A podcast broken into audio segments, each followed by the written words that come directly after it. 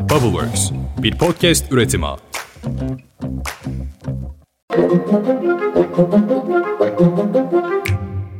Günaydın. Bugün 17 Nisan 2023. Ben Özlem Gürses, Bubbleworks Media ve Push Holder ile birlikte hazırladığımız 5 dakikada dünya gündemine hepiniz hoş geldiniz.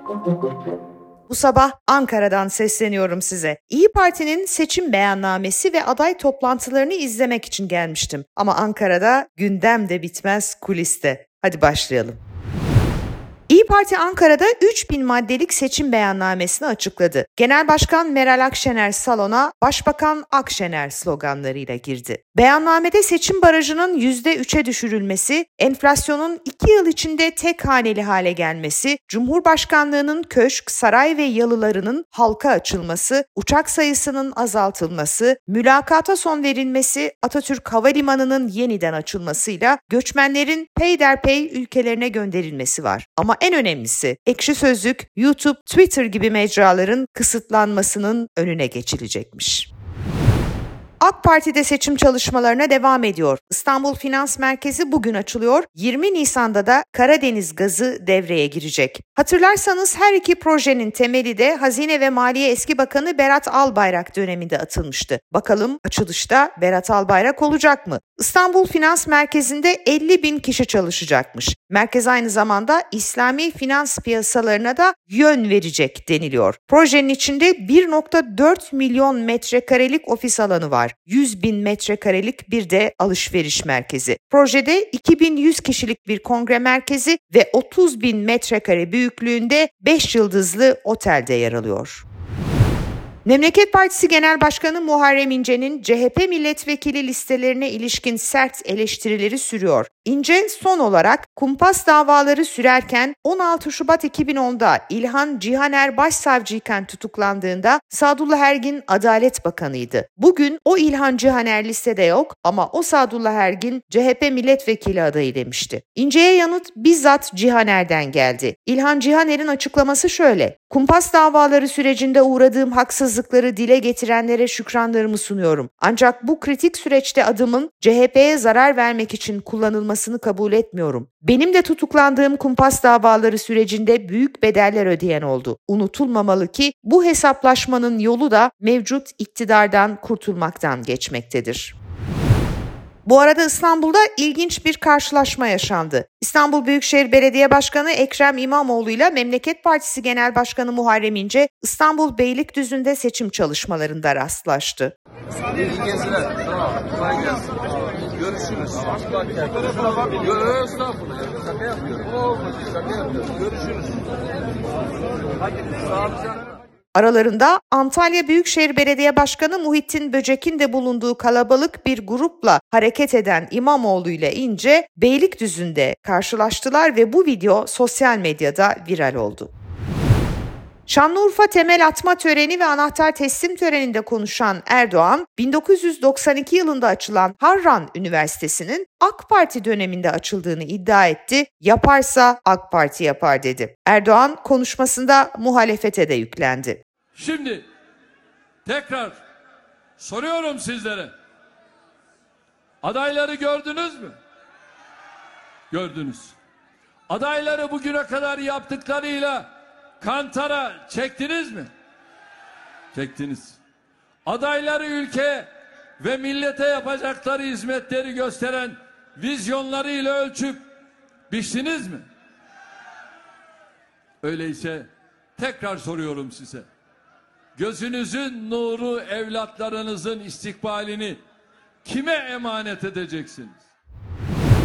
Aynı temel atma töreninde MHP lideri Devlet Bahçeli de geçtiğimiz hafta altını çizdiği sistem konusunu bir kez daha vurguladı. Cumhurbaşkanı Erdoğan ısrarla revizyon diyor biliyorsunuz bu başkanlık sistemiyle ilgili. Bahçeli ise ısrarla Cumhurbaşkanlığı hükümet sistemine devam edilecek diyor. 15 Temmuz'dan sonra Türkiye'nin kavuşmuş olduğu huzuru, istikbali karartmaya yeltenenlere fırsat verdirmemek için mutlaka sandığa gitmeliyiz ve Cumhurbaşkanlığında kararımız net olan Sayın Cumhurbaşkanı Recep Tayyip Erdoğan'ı tekrar Cumhurbaşkanı seçmeliyiz.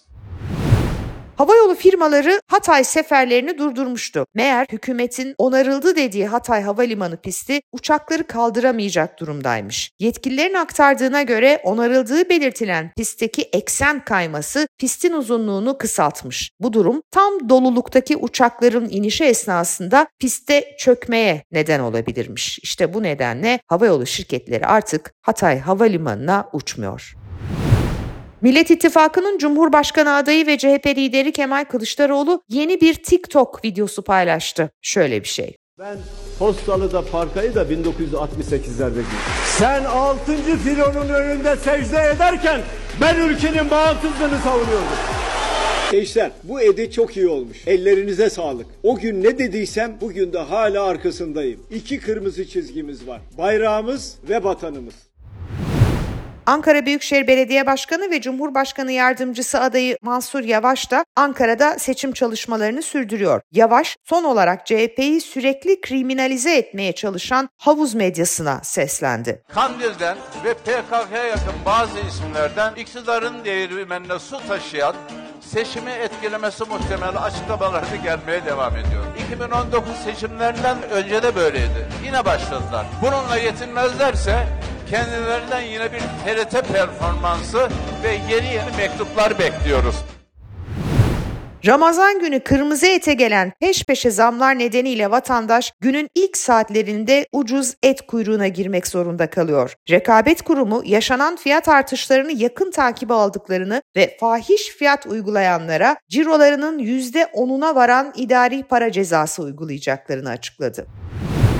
Küresel ekonomik faaliyetin belirleyici göstergelerinden olan akaryakıt tüketimi sürekli geriliyor. Verilere göre ticari kamyon filoları ve inşaat ekipmanları gibi araçlara enerji sağlayan ağır makina yakıtına olan talep büyük ekonomilerin çoğunda ciddi ölçüde zayıfladı. Çin'de otoyollarda çalışan kamyon sayısı son haftalarda gözle görülür şekilde azaldı. Bütün bu gelişmeler küresel bir durgunluk endişelerini de artırıyor. Son dönemde artan Kur'an-ı Kerim'e yönelik saldırılara yenisi eklendi. Daha önce İsveç ve Danimarka'da gerçekleşen provokasyonlara karşı öfke dinmezken Rusya başkenti Moskova'nın Kosino Utosomski semtinde inşa edilmesi planlanan camiye tepki gösteren Rus milliyetçileri Kur'an-ı Kerim yaktıkları görüntüleri sosyal medyadan paylaştı. Moskova polisi provokasyonu topluma açıkça saygısızlık göstergesi ve dini duyguları rencide etmek için işlenen halka açık eylem eylemler olarak nitelendirdi. Avustralya'da yaşayan muhasebeci Lucas Helmke bir saatte 3206 şınav çekip dünya rekoru kırmış. Ay ben ise her gün 10 bin atım atacağım diye canım çıkıyor gerçekten de diyete başladım arkadaşlar. Psikolojim bitik vaziyette açım aç. bir yandan da 10 bin atım. Adam resmen bir saatte 3206 şınav mı çekmiş? Ben bir şey demiyorum. Yarın sabahın ilk saatlerinde umuyorum 10 bin adımımı atmış şekilde tekrar kulaklarınıza dolmayı ümit ediyorum. Bu zamana dek hoşçakalın.